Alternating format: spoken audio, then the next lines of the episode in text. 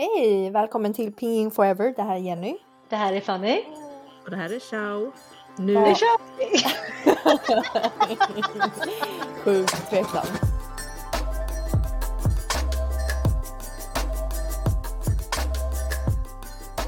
Nu börjar vi komma in på november.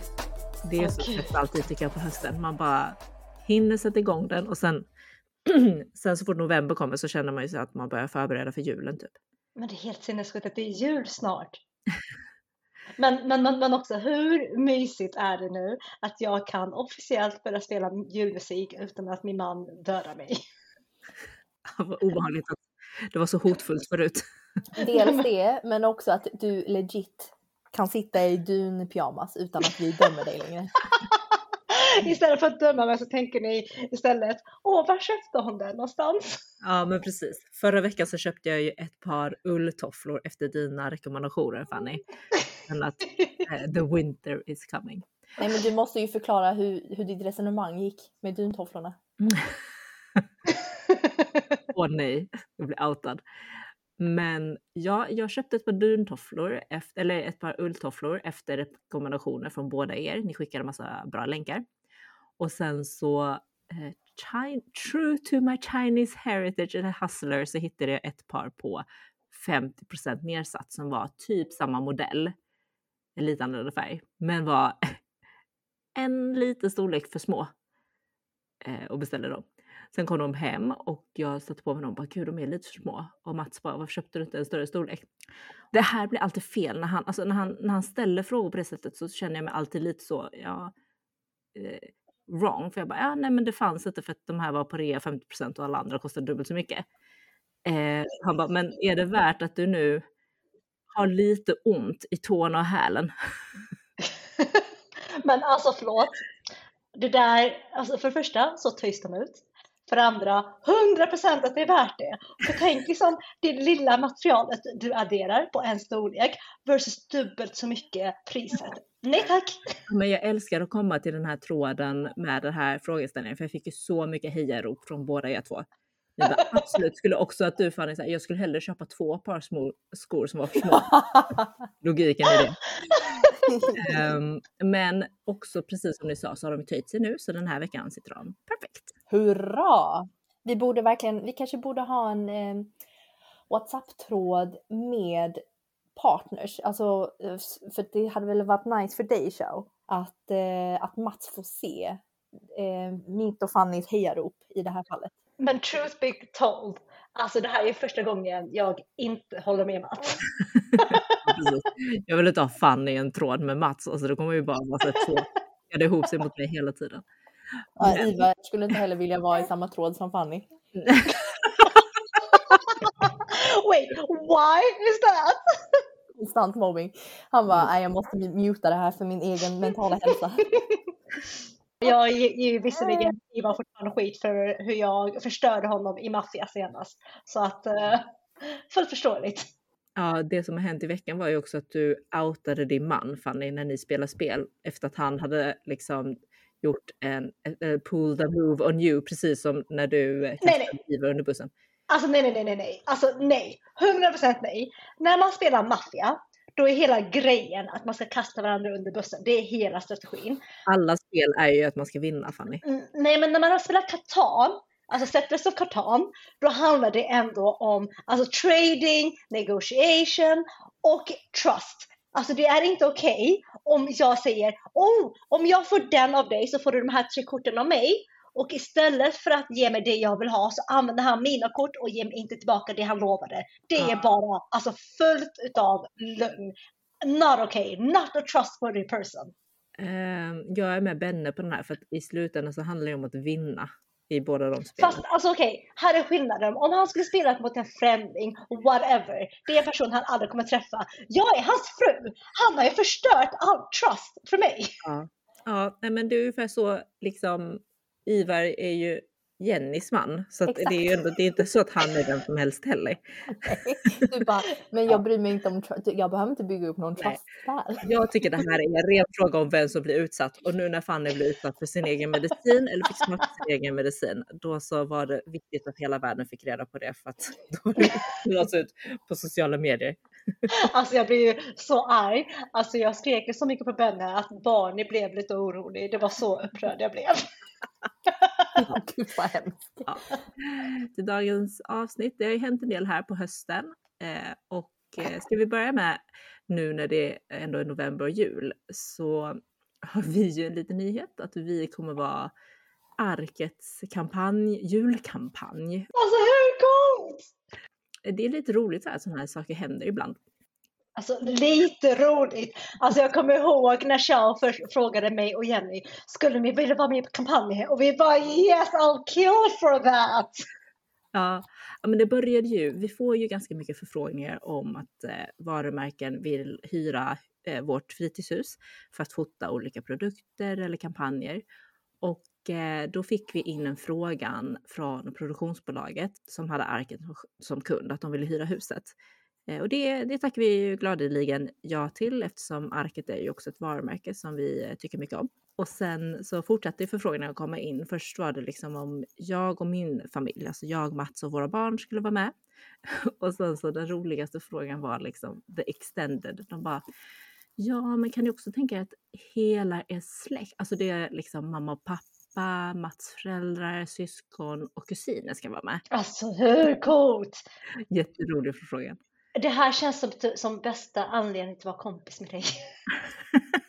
Fanny, alltså nu i riktig Selling Sunset-anda. Men vi är ju sådana social climbers. Social climbers! 100 procent! Jag bara associerar mig till Charles namn så kanske jag får lite mer cred. Ja, men det var också väldigt roligt. Jag tänker så här samtalet när jag ringer till mina föräldrar bara. Du, jag har en fråga. Skulle ni kunna tänka er vara modell? eh, och liksom till hela Mats familj. Och de var ju, är så här produktions, de, de är så snabba de här eh, casting, alltså de, man måste liksom ge svar direkt. Eh, så jag var ju tvungen att ringa till alla och liksom Mats bror bara, har det hänt något? Du har ringt mig två gånger. Så här, helt ovanligt. Jag bara, nej, jag bara fråga om du vill vara modell. till det här och det här. Eh, så det var jätteroligt. Så kom de ut och tittade på huset och träffade mig. Kom de med då ett beslut och ett förslag på vilka de skulle använda. Och då var det då min familj, alltså min man och mina två barn, eh, mina föräldrar och sen så eh, kusin, alltså Navina, Mats storbrors fru och deras barn Mm. blev utvalda. Um, och det var liksom lite som du vet så här, när man har, alltså, när man har cast, casting och bara vilka fick rollerna eh, i familjetråden. Mm, Eh. the good looking ones. Ja precis, direkt så. direkt. Men alltså förlåt, om det här är liksom så här talangshow, then is something else. Men om det här är modell för en kampanj, då går man efter utseendet. Ja, det blev ju, det blev ju väldigt mycket sådana här slurs i framförallt Mats familjetråd eftersom där var det ju verkligen så utvalt. Hälften fick vara med, hälften fick inte vara med. Men jag ska säga då att alla vi som blir utvalda har ju också etnicitet. Så att Navina är ju halvafghansk och barnen har ju också lite et, etnicitet i sina utseenden. Och även då jag och min familj såklart. Mats är ju den enda. Blonda, vita. Ja. Han är liksom den enda. Det kan ju varit att de ville få in någon, eh, den typen av stämning för deras varumärke eller kampanj. Är det, en, är det en svensk kampanj eller global? Ehm, jag vet inte om de gör skillnad på det. eh, I sina... Men det här kanske är en liksom två flugor i en smäll. De kan använda kampanjen både i Sverige men också i Kina. Ja men precis. Alltså jag är helt säker på att de tänkte väldigt mycket på det. eh, Liksom sådana proffs i deras eh, casting och marknadsavdelning. Mm. För din skull också. Eh, two in one när det kommer till gravidbilder även här. Men perfekt! Familjebilder. Alltså du, du har ju givet jul, eh, julkortsbild antar jag.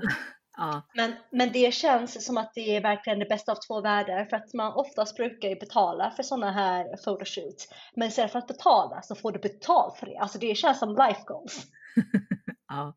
ja, men det kändes ju väldigt kul för att när det blev klart att de skulle köra det här så var det bestämdes liksom kanske en och en halv vecka innan, en och en halv vecka innan ehm, liksom datumen som var bokade för eventuell fotografering.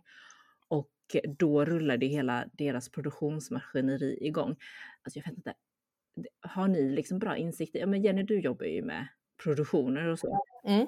eh, liksom eh, film och media och content. Alltså det är ju så mycket människor. Ja, det är sånt otroligt maskineri.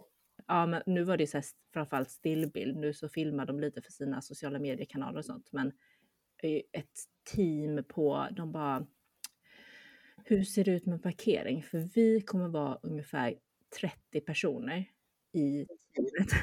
Mm. Va? Mm. Där det då var två fotografer som, om man går in på deras hemsida så är det så här Prada, Vogue, Dior, high-end fashion shoots. Och de hade sina typ tre assistenter och sen var det då set design, det var ljud och ljus och sen hade de en um, rörlig fotograf som hade sina typ två, tre assistenter och sen var det stylister. Jag tror de var tre. Stylister och påklädare. Mm. Sen var det en makeup som hade, de var också två och sen en hår. Jag tror hon var själv. Och sen var det också, de hade med sig en liten kanin som de också hade kastat från sitt eget bolag. Så det var en anställd. Vänta, va? Som hade tagit med sig sin egen lilla kanin och hon var då eh, ansvarig. Alltså... Men alltså Shao, om du hade berättat det här för mig, då hade jag kanske inte behövt kasta själv, utan jag hade kunnat kasta Barney. ja, de frågade efter husdjur, gjorde de. Um... Next time. Next. Fanny, nu, nu vet du att du ska vara agent åt, åt Barney också. Under den här castingprocessen så frågade de, eftersom jag är ju verkligen gravid, alltså det är ju ingen som inte kan se att jag är gravid nu, så det är inte så att man kan mörka liksom en den magen som jag har. Mm. Och de gör ju inte maternity-kläder, mm. Så eh, det sa de ganska tidigt att vi är jätteglada, vi kommer verkligen vilja ha med dig. Eh, men vi kom också kasta en till kvinna och mm. frågade om jag hade några vänner som skulle kunna vara intresserade. Det var då förfrågan gick ut till er två. eh, och sen så, eh, sen så valde de ändå att kasta då Navina istället för att eh, det skulle vara inom familjen typ. Det skulle vara väldigt kul om jag eller Jenny så här var en riktig imposter och spelade dig i din familj. Ja, men det sa vi faktiskt. Jag sa ju till dem så här, vi har ju ingen så, vi har ju ingen eh, stolthet i att det måste vara typ, alltså om ni vill byta ut, om resten av min familj är med och ni vill byta ut mig, det hade jag ju varit helt fine med. Jag bara, nej, nej, det måste, nu när vi kör autentiskt så vill vi att det ska vara helt autentiskt och känns roligt. Jag tycker också det känns ganska, alltså väldigt innovativt från deras sida och modigt att köra mm. en riktig familj. Alltså båda ja, sett nio modeller som aldrig varit modeller. Bara det är ju så här, hur blir fotografierna och varav då tre, fyra är eh, barn.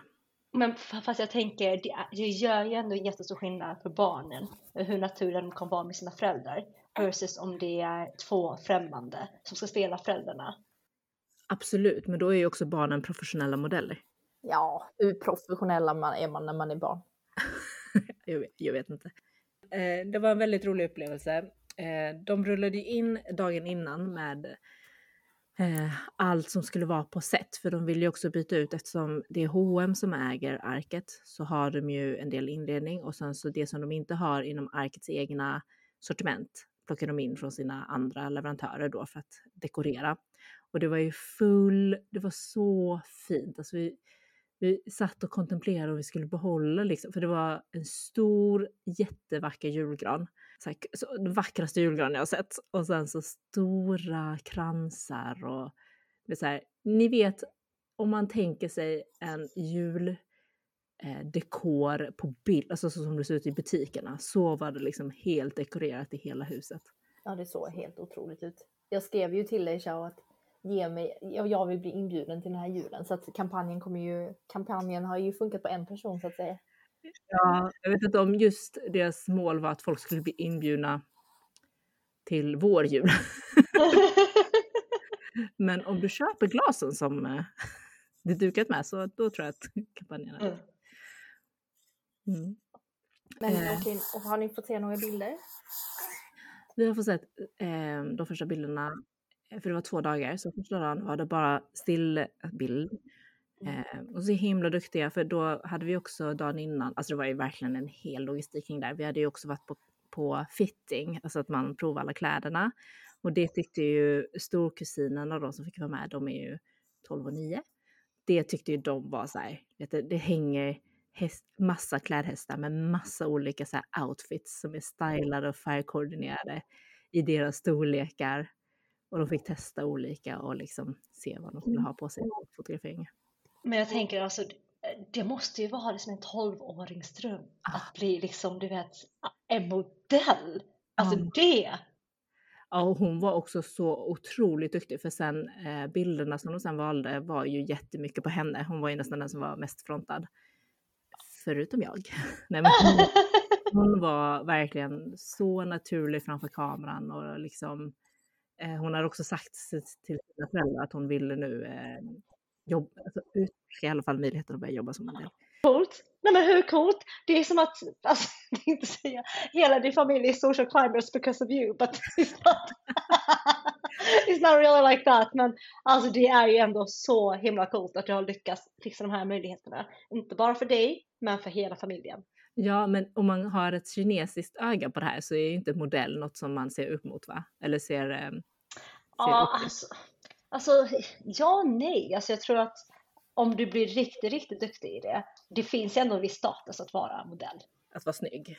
Ja, men självklart. Alltså det tycker jag är inte bara liksom kinesiskt utan det är ju universellt. Ja, men det har varit så himla lite förekommande i våra kretsar. Det kanske också är för att våra föräldrar är akademiker, men Jag tänkte säga men kanske för att inget av oss har varit så snygg. hello. Talking to live living model. Ja. Men eh, ja, nej men alltså, absolut. Jag tror, jag tror liksom inte riktigt att våra föräldrar skulle stötta oss eh, till att bli modeller. Men just för att det är så himla flyktligt. Alltså det är väldigt få som kan få en jag vet inte, 50-årig karriär som modell Mm. att gå Mm. ihop. Utan det är ju liksom ett, ett visst antal år som du kan casha ut. Eh, Ja. men, men sen så försvinner det ju med ditt utseende. Ja. Har jag berättat att jag skickade in bilder? Alltså att, att jag verkligen vill sa till pappa, sa till mina föräldrar typ på högstadiet att jag vill bli modell. Pappa var okej. Så, vi- så han tog lite bilder på mig och så, så skickade vi ändå in dem. Va? Ja, Va? gud ja, Han absolut. tog bilder på dig. Ja, jag är Men verkligen. också det här aldrig, alltså vi har vuxit upp bredvid varandra. Jag Nej, nej, nej, nej. Jag hört om hade, det här. Ja, jag är också skick, alltså jag är också chockad för det känns liksom inte riktigt som du. Alltså jag har gjort det men det känns mer som jag. Ja. Gud vad roligt.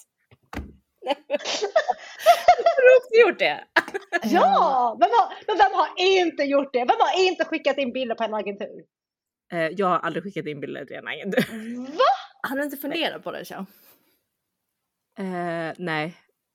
Och ändå ser du hon som blir modellen. Alltså livet.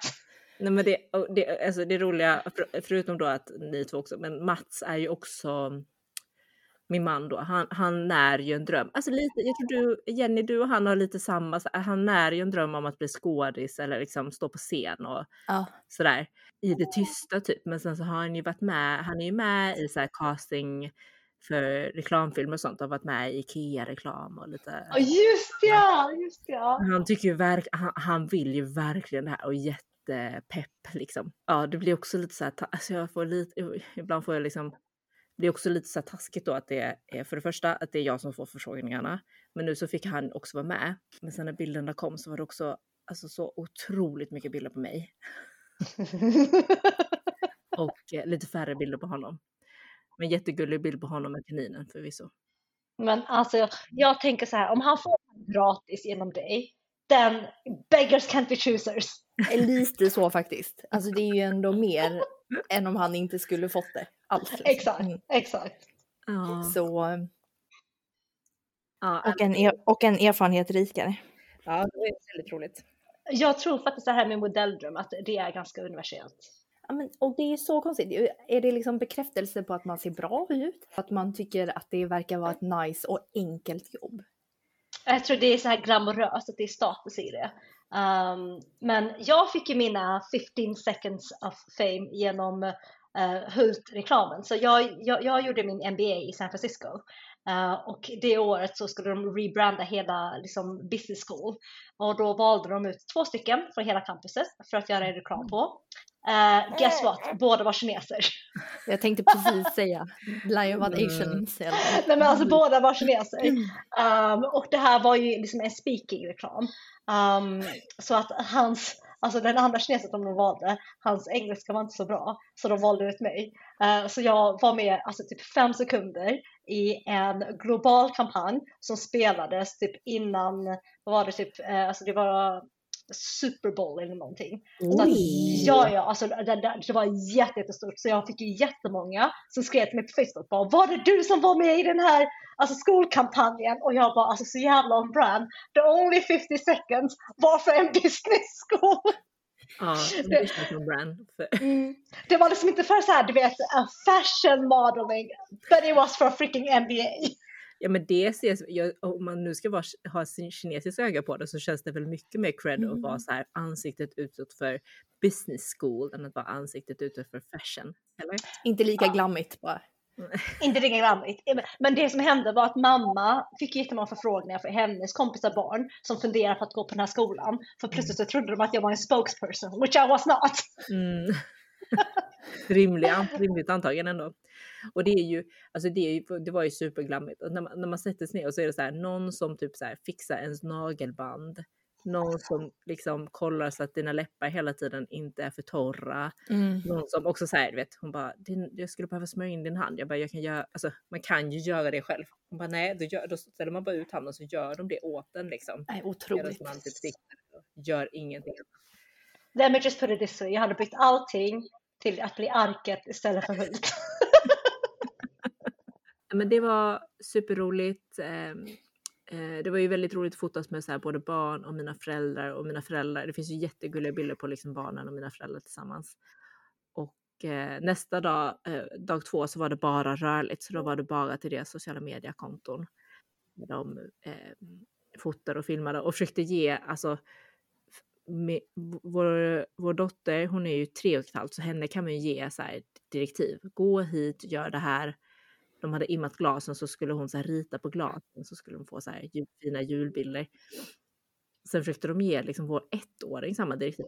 Kan, inte så här, gör det direkt, utan när hon har gjort det, kan du göra det då? Och han står ju, alltså, ja, det, jag tror de fick ge upp tanken som att han skulle så här, färdigstylad. Han hade också blivit nyklippt och liksom insmord, alla grejer. Och så skulle han liksom prestera på det. Det gick sådär kan jag säga. Stillbilden tror jag blir fina. Men... Det låter som att fotograferna kanske inte har barn. Ja, men, men jag tänker också på den här videon där du kastar en boll till Juni versus du kastar en boll till Mys. Ja, precis. Det ska man också ta i. Precis. Alltså, han är yngre och han kommer eh, säkert komma ikapp så småningom. Han är inte riktigt där än, ska man säga. Men han är jätteduktig Ja. på det som han kan. Så, alltså vilken otrolig upplevelse. Ja, men det var ju i eh, helgen så var det också en annan stor familjär eh, familjegathering. Eh, Mhm. Inte på Nabben och för Arket, men för Alvar och i Lund. Ja, ja. För han fyllde 100 dagar, vilket är ett jättestort firande i Kina. Mm. Ja, det är faktiskt, jag räknade, för du frågade Xiao hur man faktiskt räknar ut 100 dagar och jag vet inte om det finns ett smart sätt. Jag literally räknade i kalendern. Och fick, Ett, två, tre, fyra, sex, sju, åtta, nio, tio. och fick fram det att det är då att han fyllde 100 dagar 2 november. Eh, vilket tyvärr inte var en helgdag så att ehm, vi, så det här eventet, kalaset hölls eh, närmsta lördagen vilket var då 4 november. Mm. Och eh, ja, alltså från, vi kan ju börja prata om eh, 100 dagars traditionen Mm. kanske. Jag kan faktiskt inte så mycket om det. Jag tänkte precis Ehm. fråga om det alltid var självklart att ni skulle ha ett stort firande. Alltså för det var ju, det var ju verkligen ett stort firande, nästan i paritet med så här studentfirande Mm, eller liksom 50-årsfirande eller mm, det skulle Så. jag säga. mm. Ehm, var det alltid självklart tror- att ni skulle ha det? Eh, jag tror för min, min pappa och Xiaojie så var det nog absolut självklart. Ehm, så att jag, Också jag vet inte. classic Chinese att eh, typ eh, morföräldrarna för, alltså förvänt, alltså hijackar liksom olika firanden i Eller bara, så här, eller bara liksom smyger in sin agenda utan att man utan att det blir en diskussion. Det, blir, det har ju aldrig riktigt varit en diskussion om är det någonting ni skulle vilja ha utan det är ju mycket mångt och mycket deras, eh, deras eh, fest. Alltså för att jag, alltså jag hade en diskussion med mamma om det här också. Om att till slut så, alltså vi pratade ju om det och hon bara, men det är ju mer för liksom Jennys pappa. Uh, för det var ju alla hans vänner och det var ju, alltså det, det är ju väldigt stor stolthet för honom och han höll ju ett alltså, fantastiskt tal. Uh, mm. Där han i princip sa, men det är många andra som har haft hundradagarsfirande och det har ju varit fantastiskt att få vara med. Men jag tror inte jag har förstått hur mycket det faktiskt betyder förrän jag står här själv. Mm.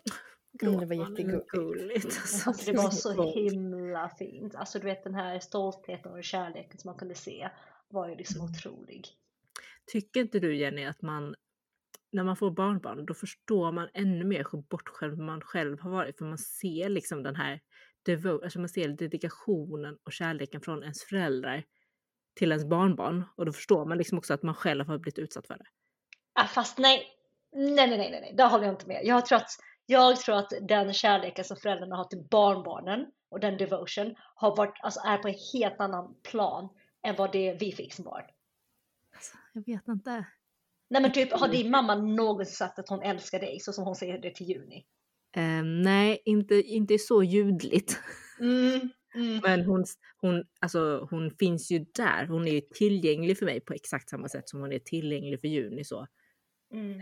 Helt mm ett, an, men ett helt annat love language. Kanske. Ja, ja, ja. Alltså jag tror att föräldrarna beter sig på ett annat sätt med barnbarnen, på ett sätt som de mm. inte riktigt gjorde med oss. Och det kanske i kinesisk kultur kanske det också är mycket mer okej att öppet prata om hur stolt man är om sina barnbarn på ett annat sätt än vad det är. För det känns ju lite så skry, eller det känns inte helt socialt accepterat om man skulle prata väldigt gott om sitt eget barn. Men att det känns mer okej då att säga att man är jättestolt över att man har hundraårsfirande mm. för sitt barnbarn. Mm. Ja, men det är en bra poäng. Det är nog generellt ett större bond mellan mormor, farmor eh, generationen mm. och barnbarnet. Mm. De, jag tror också att, eh, eller min pappa och jag känner nog också eventuellt kanske ett, eh, ett, ett eh, liksom ansvar över hans uppfostran på något sätt. Jag vet mm. inte om man gör det på samma sätt i Sverige. Mm. Men eh, mamma berättade också för mig om det här, eh, alltså för länge, länge sedan med kinesisk kultur. Då fanns det ett saying om att det inte var okej okay för en man att krama sin son. Men det är okej okay för en farfar att krama sitt barnbarn. Mm. Mm. Oj, gud vad så här, sexistisk. Eh, alltså, ja, Absolut, men, men det handlar ju om att alltså, en pappa ska stå för liksom, auktoritet, de ska stå mm. för uppfostran och för att vara liksom, sträng. Medan en farfar, alltså då kan man spoila sitt barnbarn på ett annat sätt och man kan visa känslor på ett annat sätt. Ja, mm. det makes sense. Gud vad mm. intressant. Då, är, att det, då, då kanske det också ligger i linje med att det är eh, mormor och morfar eller farmor och farfar som hostar ett mm. sånt här mm. event för att det är de som ska bjuda på festligheterna och kalaset. Ja. Men kan du inte gå från början? För det enda jag vet om 100 dagars firande, det har ju, har ju funnits ett par stycken. Jag tror inte jag har haft det för något av mina barn faktiskt. Um, men det har funnits några stycken och det enda jag vet som man gjorde typ på vår tid, det var ju att man hade den här leken där barnet får ligga på eh, jag fattar inte, alltså ett 100 dagar gammalt barn kan ju inte greppa grejer. Men i kinesisk kultur så, hade, så har man ju så här att man lägger ut massa objekt som symboliserar olika vägar i livet. Och så ska barnet då röra sig mot något objekt eller så. Hade ni det när ni var små, 100 dagar? Jag minns inte. Aning. Nej.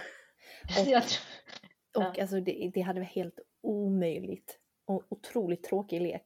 För att Alvar ett kan knappt krypa, eller han kan ju inte krypa och kan inte greppa.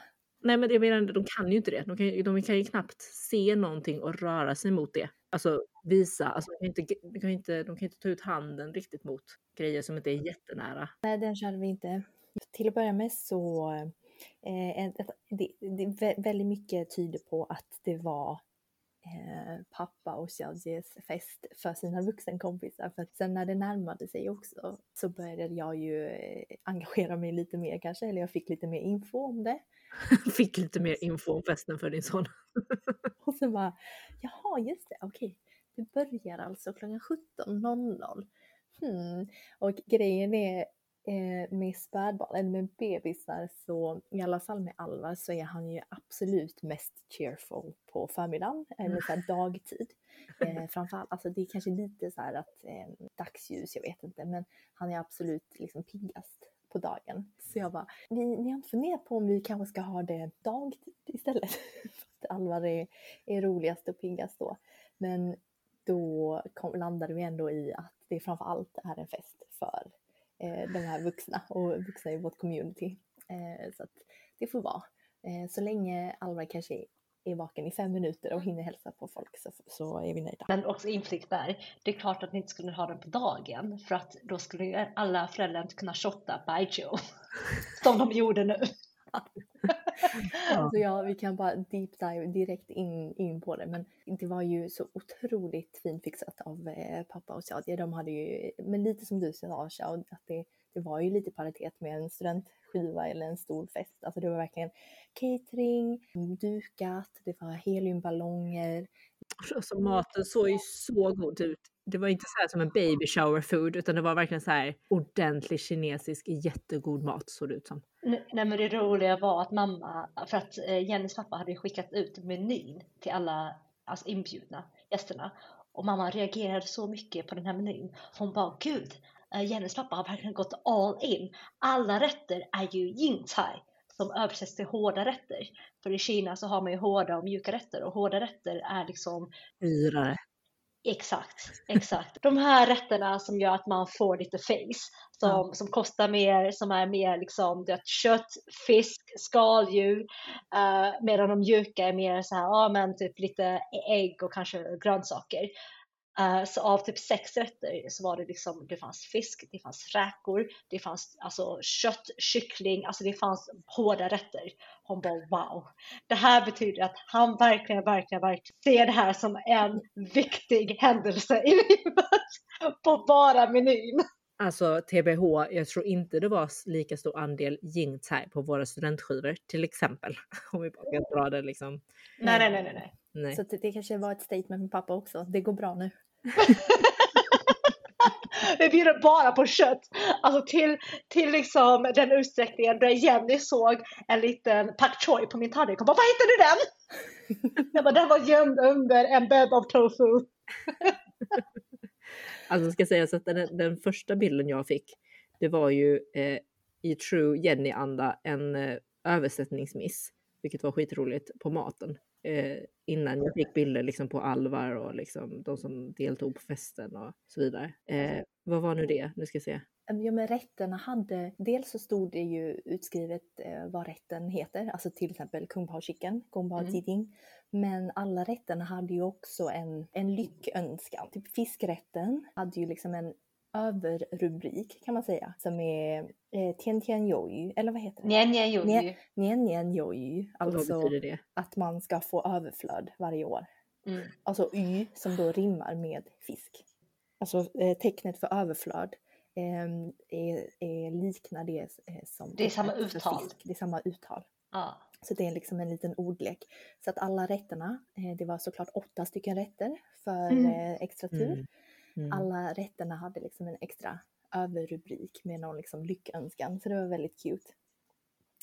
Men eh, det, alltså det första som slog mig, nu, nu ska jag säga, jag kommer inte ihåg när jag var på en sån här eh, communityfest senast, en sån här stor. Undrar om det Mm. kanske var Allans student. Mm. Ehm, så det var ju väldigt många år sedan. Ehm, men, men klockan 16.59 typ går jag in på toa för att jag ska typ tvätta händerna och kanske typ sätta upp håret. Klockan 17.01 öppnar jag toalettdörren, kommer in i en hall och då har alla kommit. Alltså alla kom samtidigt, 17.00 på Ja. pricken. Gud, Känner de ni igen det? verkligen, ja, verkligen. Att det är så här, du börjar 17, då är man där exakt 17. Och att alla kommer samtidigt. Inte före heller, absolut inte Nej, före. nej, nej. Nej. Exakt alla välde in 17.00. Mm. Eh, så att då blev det ju, och det ska också sägas att Ivar eh, har ju faktiskt inte heller introducerats eh, till communityt på något officiellt sätt som vänner har. Alltså Bennes officiella sätt var att Alltså det, det, det är också så jävla Men sjukt. det var kanske senaste gathering som mina föräldrar var på. Nej men alltså mamma och pappa hade ju liksom alltså, hyrt in på en plats och, och, och körde cater-event. Uh, och Benne bara, eh, ja, 100-dagarseventet. fa- fast inte alls i samma utsträckning. Det var liksom hälften av människorna och det var inte alls lika liksom, fancy. Men de hade då gjort det. Um, typ inte lika många jeans här. Ja men exakt, exakt. Mm. Första året jag och Benne var tillsammans. Uh, och, eh, och mamma, bara, mamma och pappa hade sagt Benne, ah, men vi, vi, vi kommer ha liksom en middag. Och Benne bara, okej vad trevligt. Och så frågade Benne, liksom, är det för liksom något speciellt eh, alltså, sammanhang eller? Och de bara, ah, vi ska introducera dig. Gulligt ändå. Så, att, eh, så att det var så han blev introducerad till vårt community. Då. Ja, det minns jag också. Det var också. Jag är ju, eller vi är ju sällan med om vi inte är i Skåne. Men mina Mm. föräldrar var ju bjudna till det såklart också. Ja. Mina föräldrar var också med på Alvars 100-årsfirande. Men Mm. eh, Ivar har alltså liksom inte officiellt introducerats så till mobben. Alltså Nej. alla föräldrar mobben.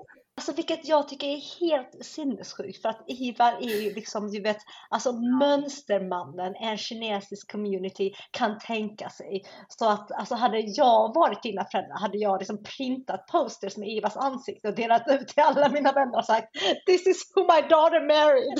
Ja, men alltså det är ju inte, det ska ju också sägas att han har ju introducerats till liksom närmsta, för vi har ju fått höra vår beskärda del över hur perfekt Ivar är. Så, Ja, att så långt har ju liksom introduktionen gått. Men då inte till, för att på de här, hur många var, hur många var inbjudna?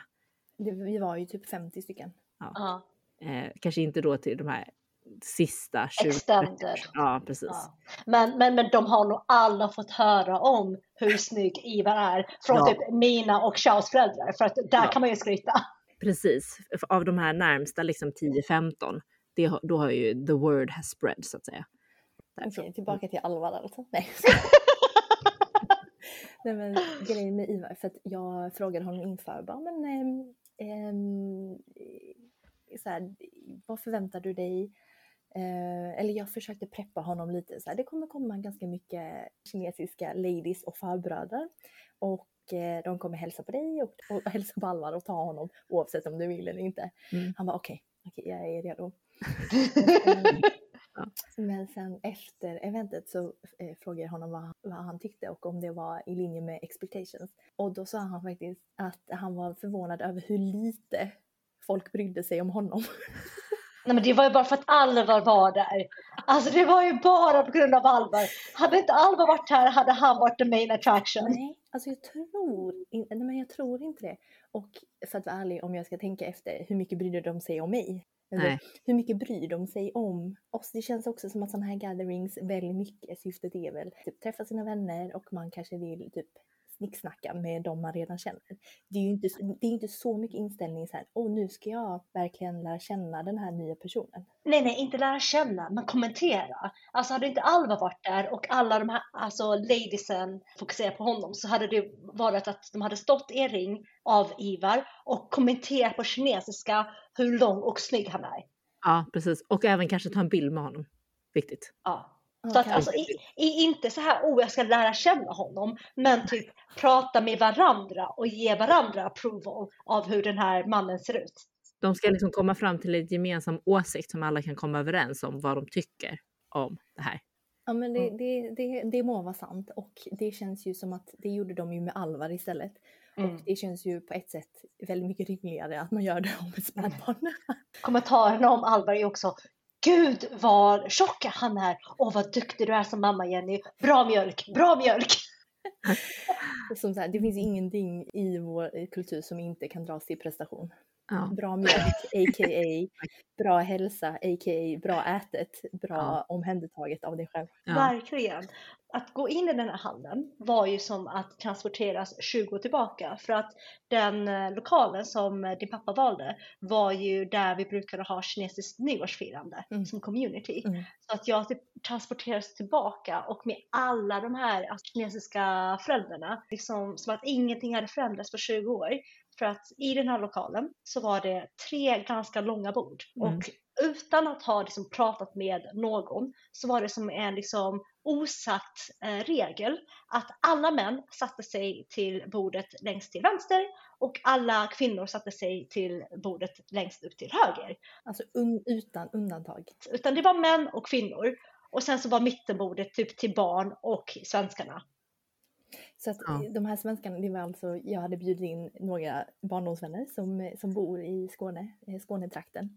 Och, eh, alltså jag måste rätta dig där Fanny, för att eh, min kompis Annas man Robert satte sig längst bort vid kvinnobordet. Eller han Oh! satt, eh, så här, han satt vid kvinnobordet. Alltså Fanny, din reaktion, lite drama.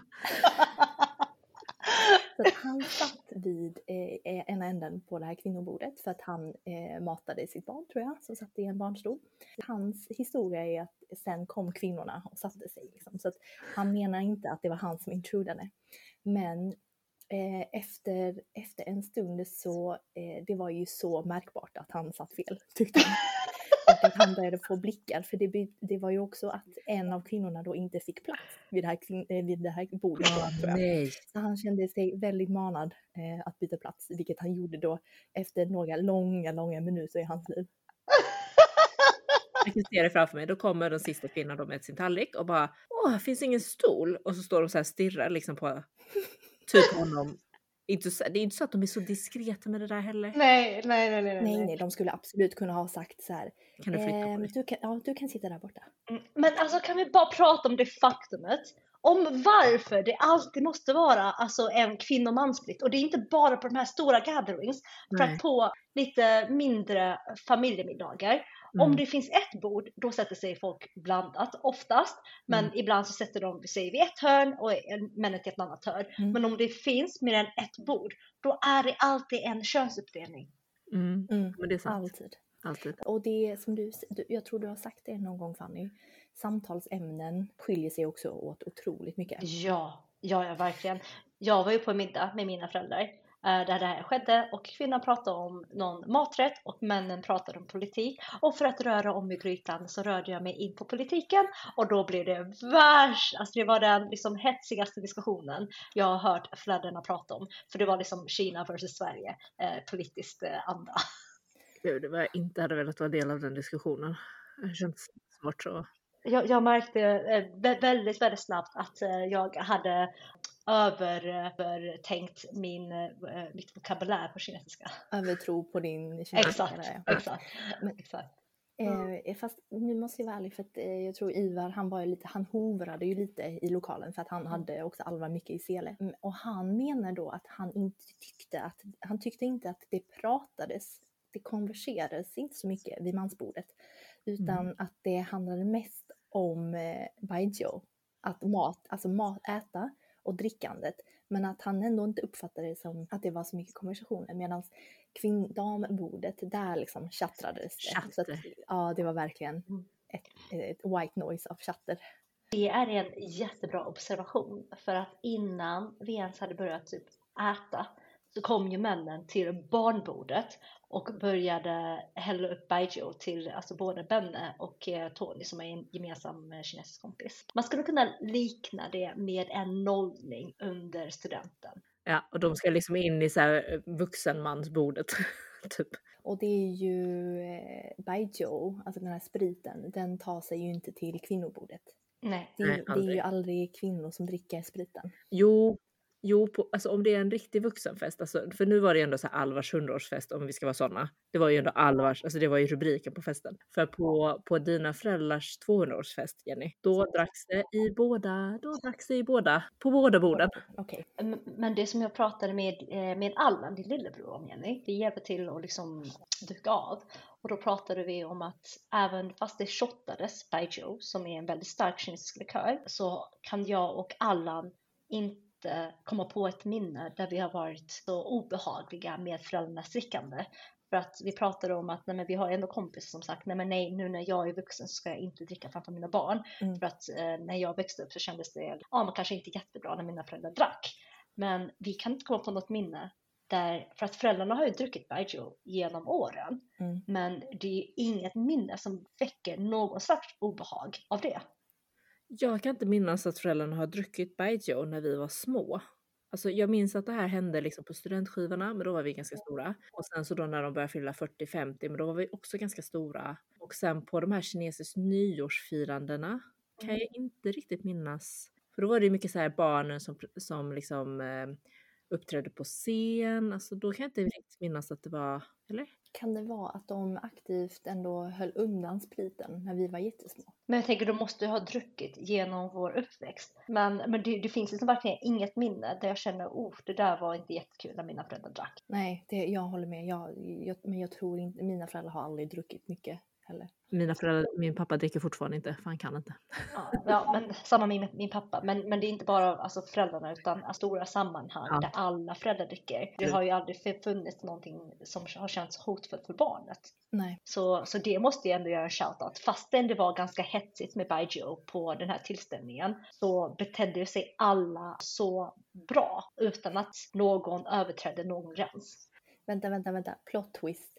Eller är det, det är de vuxna i vårt liv är så högljudda och beter sig så, agerar så stort och yvigt ändå i vardagen att det inte är så stor skillnad när de har druckit alkohol. Det sa jag till Allan också. Exakt samma mening.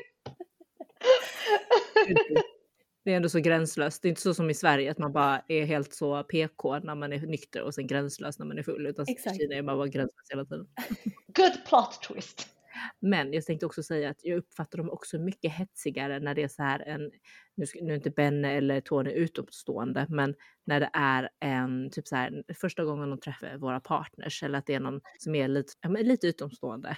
Då upplever jag dem också som att de är så lite mer hetsiga för de ska typ så visa att de är lite coola eller någonting. Alltså man känner så att de vill liksom markera sig lite. Mm. Upple- Upplever inte ni det? Så här, om det är liksom någon Mm. julfest och så är det första gången någon partner är med.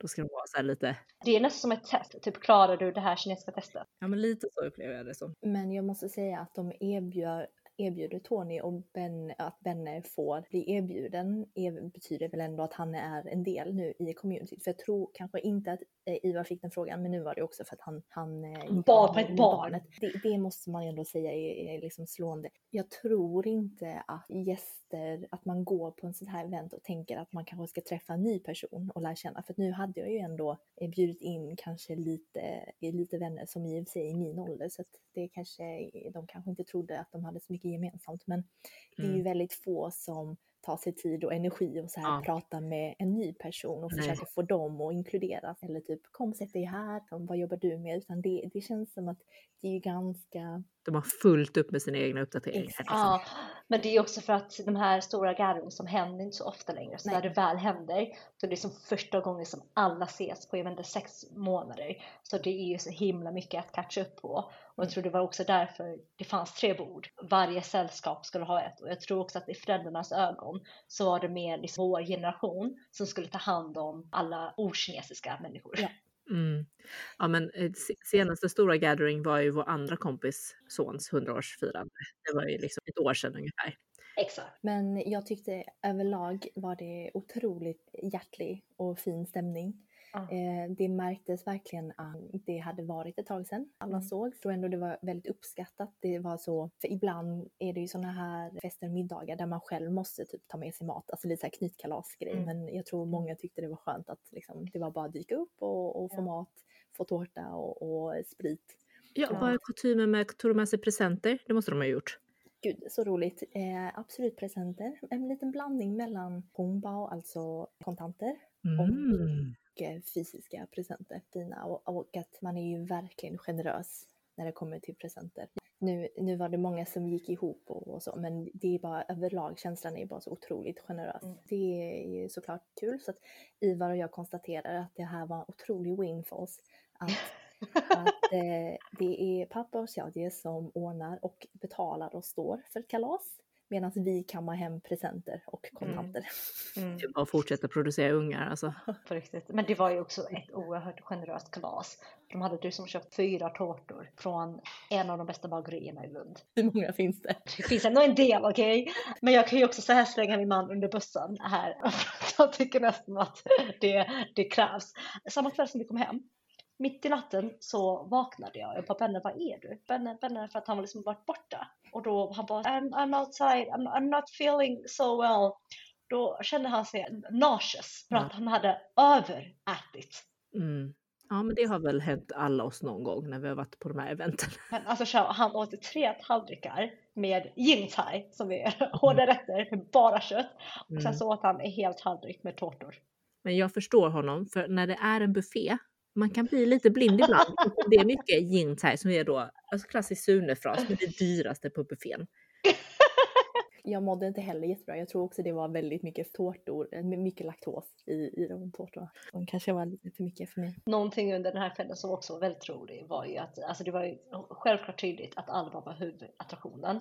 Men det var som att alla mammor kände att de hade rätten att bara ta Alvar från varandra också. Så här, från Jenny men också från varandra. Jag har sett så många bilder på Alvar med olika alltså, konstellationer. Så Alvar med mina föräldrar, Alvar med dina föräldrar. Alva var ju en attraktion i sig och när den första familjen började ta bild med Alvar, jag tror det var jag som smög in på en bild med Ivar och Jenny, då bildades det en kö. Är det verkligen tydligt att Alvar var huvudpersonen? För mina föräldrars återberättelse av den här festen, alltså det är klart att de bara, nu ska vi på Alvars 100-årsfirande. Det börjar exakt klockan 17 och eh, de hade liksom fixat med sina grejer som de skulle ha med sig. Och sen så mamma bara, Jenny, Ivar och Alvar gick ungefär vid halv åtta, åtta kanske. Och vi var kvar till elva typ. Bara, eh, för det känns också så himla otypiskt, typiskt ett svensk, om man, hade, om man jämför det här med ett dop då, som kanske är en liknande event som, som görs när barnet är i liknande ålder. Familjen med barnet skulle aldrig åkt därifrån och så bara fortsätter festen i liksom, Det, alltså det är ju det som, det som är tydligt att festen var ju mer för Jennys pappa och hans kompisar. Nej, det var eh, absolut en, en vuxenfest och det är så roligt att eh, ja, det var verkligen en throwback. Jag måste ändå säga att jag tycker alla åldras väldigt väl. Alltså alla ser exakt likadana ut som För det är kineser! för tio år sedan. Ja, Chinese okej. skin! Alltså kolla på Xiao, hon tvättade inte ens ansiktet och ändå liksom. Jag visste att vi skulle, jag bara undrar hur lång tid det tar innan någon circle back till det här jävla tvålfett. Det var också kul. Eh, Inför kalaset så frågade jag pappa. Han bara, ja men vilka är det som kommer? Han bara, ja alltså det är, det är de, de vanliga och De vanliga 50. är det någon jag inte känner? Eh, absolut. Men det gör inget. Ja. Det är, det är också väldigt klassiskt för de här event, tillställningarna att man, man förväntas kanske inte känna, känna alla. Nej. det liksom- och det, det minns jag så tydligt från min studentskiva. Att det var så här personer där som jag bara, man bara hej, hej det är jag som tar studenten, det är min skiva. De bara ja. Mm, för det, det var Ivars kanske andra reflektion. Att som utomstående och som icke kinesiskt talande så det är, ju, det är ju lite klurigt det här med hälsningar ibland. Så att vad jag gjorde var, jag tror ändå jag inför kramen. Alltså Ah. oavsett, oavsett kön nu. Mm. För att jag kände ändå så här, men det är typ, jag är typ huvudperson. Eh, folk Jag kommer är typ. Ja, jag, jag, folk kommer fram, jag kan liksom öppna famnen och så får man se om det kommer en kram. Och för, bland kvinnor så kramas man ju. Det är inga konstigheter. Och vissa män kramades också. Mm. Men det finns också de, de farbröderna som bara, Mm. alltså de approachar en med handen framför. Ja. Så man, det är väldigt tydligt att så här, det, här är det handen som gäller. Jag skulle nog inte känna mig bekväm att krama alla papporna heller. Nej, Mm. nej, det förstår jag. För ibland så har man hamnat i så då man kramas, då känner man ju så här, det här är en person som aldrig har kramats. Alltså de är så stela i sitt så här, kroppsspråk i kramen.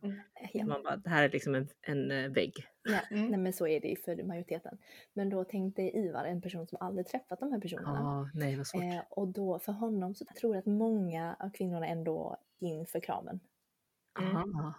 Många män då, eh, eller nästan alla män då, jag tror alla män sträckte ut handen. Mm. Men det som blir lite klurigt är ju att folk är ju varierande bra eller slash villiga att prata svenska. Mm. Eh, så det var svårt för Ivar att typ se- veta om, ska jag säga hej eller ska jag säga liksom hi, hello, alltså veta, veta eh, vilket språk man ska, man ska försöka inleda en konversation. Mm. Vilket obviously ingen var intresserad av att inleda en konversation med Nej, honom. nej, jag tänkte precis där. Det finns ju ingen heller som bara, men då så byter jag ett språk så att alla kan vara inkluderade i den här, om vi står fem personer tillsammans. Och där har ju Benne verkligen, det, det märks ju att han har varit på de här tidigare för att han kunde ju sina standardfraser som han bara körde oavsett person och hade ingen vilja att, eh, hade liksom, visade inget initiativ till att fortsätta konversationen. Han visste att det är hälsning och sen kommer de gå. Exakt. Men, men folk börjar prata med Benne Så alltså i nio av tio fall så pratar de ju svenska. Mm. Så han bara typ nickar och bara ja ja, alltså de bryr sig ändå inte vad jag svarar. Så Leo nickar, det funkar liksom i de flesta fall. Gud vad roligt. Ja. Nej, väldigt, väldigt mysigt. Mm. Eh, så jag tror Alvar var eh, glad men högst omedveten om att det här var ett kalas för honom. Förutom att han var, så, han var väldigt, väldigt trött tror jag på kvällen. Mm. Eh, har vandrat runt i, i så många famnar. Alltså Men det var vi väl alla tänkte jag säga. Alltså jag, jag tror, jag, vi var också svinutmattade. Verkligen. Ja, det var länge sedan jag var på ett sånt här eh, mingel-event liksom. Tror ni det är för att ni må- måste prata kinesiska? Mycket? Nej jag tror det är för att ljudnivån är så oerhört hög. Jaha, mm, fattar. Mm. Och att det är så många, det är ändå en ganska intensiv stämning. Det är ju både intensivt, alltså, tänkt på det? Att alltid på sådana här tillställningar, det är både väldigt intensivt ljudnivåmässigt, alltså också för att akustiken är alltid dålig, så det är så här väldigt Mm. hårt Mm. ljud. Och jag vet inte om det är också att kinesiskan är liksom inte så mjuk, alltså det är ganska hårt Ja. eh, stavelserikt språk, så det är så här dat, dat, dat, dat, dat. Mhm. Och sen så är det ju alltid superljust, alltså det är så här Mm. jätteupptänt. Mm. Så det är så här jätteljust och jättemycket ljud i, i Mm. en kall miljö. Mm, det är mycket stimuli. Ja. Mm. Och jag tror att alltså, det är bra att föräldrarna satte sig på varsin sida för då hör de ju varandra mindre. Så för vad som brukar hända under kinesiska middagar det är att om ett sällskap, om ett sällskap pratar högt då pratar du ju högre. Så det blir nästan som en, alltså en tävling om vem som pratar högst. Så, att, så att de var ju på varsin sida men det var ju vi som satt i mitten så att vi hörde ju allt. Ja, alltså verkligen. Pappa bara, pappa bara men eh, ja, du är ansvarig för musik. Jag bara, eh, låt oss bara säga att eh, vi avvaktar med musik tills vi har ljudnivån. Men det, Ja. jag tyckte ändå all in all det var jättemysigt. Framför allt jätteroligt, eh, jätteglad för pappa och Xiaojies skull. Eh, för att de tyckte det blev så lyckat. Ehm, att de verkligen har sett fram emot att hosta det här. Och vi har ju inte tänkt att ha dop eller någonting annat för, för Alvar. Så det kändes ändå eh, fint att han eh, fick, fick något litet firande. Mm. Nej men det var ju också jättefint. Alltså ni i er familj var ju värsta teamet liksom. Alltså din pappa och Xiaojie som fixade all mat, Alvar och Alice som dukade av. Du och Ivar som ändå liksom var på Alvar hela tiden. Alltså ni hade ett väldigt, väldigt bra synk. Mm. Jag måste bara säga, jag bar inte på Alvar en enda sekund den här kvällen. Min, liksom mitt, mitt, eh, någon timme in, jag bara, vänta. Did I misplace something? somewhere? var känslan. För att det alltid var någon annan som bar på Alvar. Ja. Eh, Det var jättemysigt och, och jag, jag, jag förstår ändå, förstår, undrar om det liksom motsvarar lite den här fjärde trimester-tänket, att man firar 100 dagar. Mm. Det känns som att eh, liksom, barn är ändå mest ömtåliga de första tre månaderna. Så det känns också som att det kanske ligger en del i att man faktiskt firar att, att barnet har överlevt. Alltså Mm. särskilt om man tänker på att det var så tuffare tider, eh, eh, omständigheter för i Kina. Vi ska kanske överväga att ha ett eh, hundraårsfirande för vårt, eh, vårt tredje barn. Jag tycker att ni kanske kan ha tre alltså samtidigt. Då kan Ja. ju tre gånger så många presenter.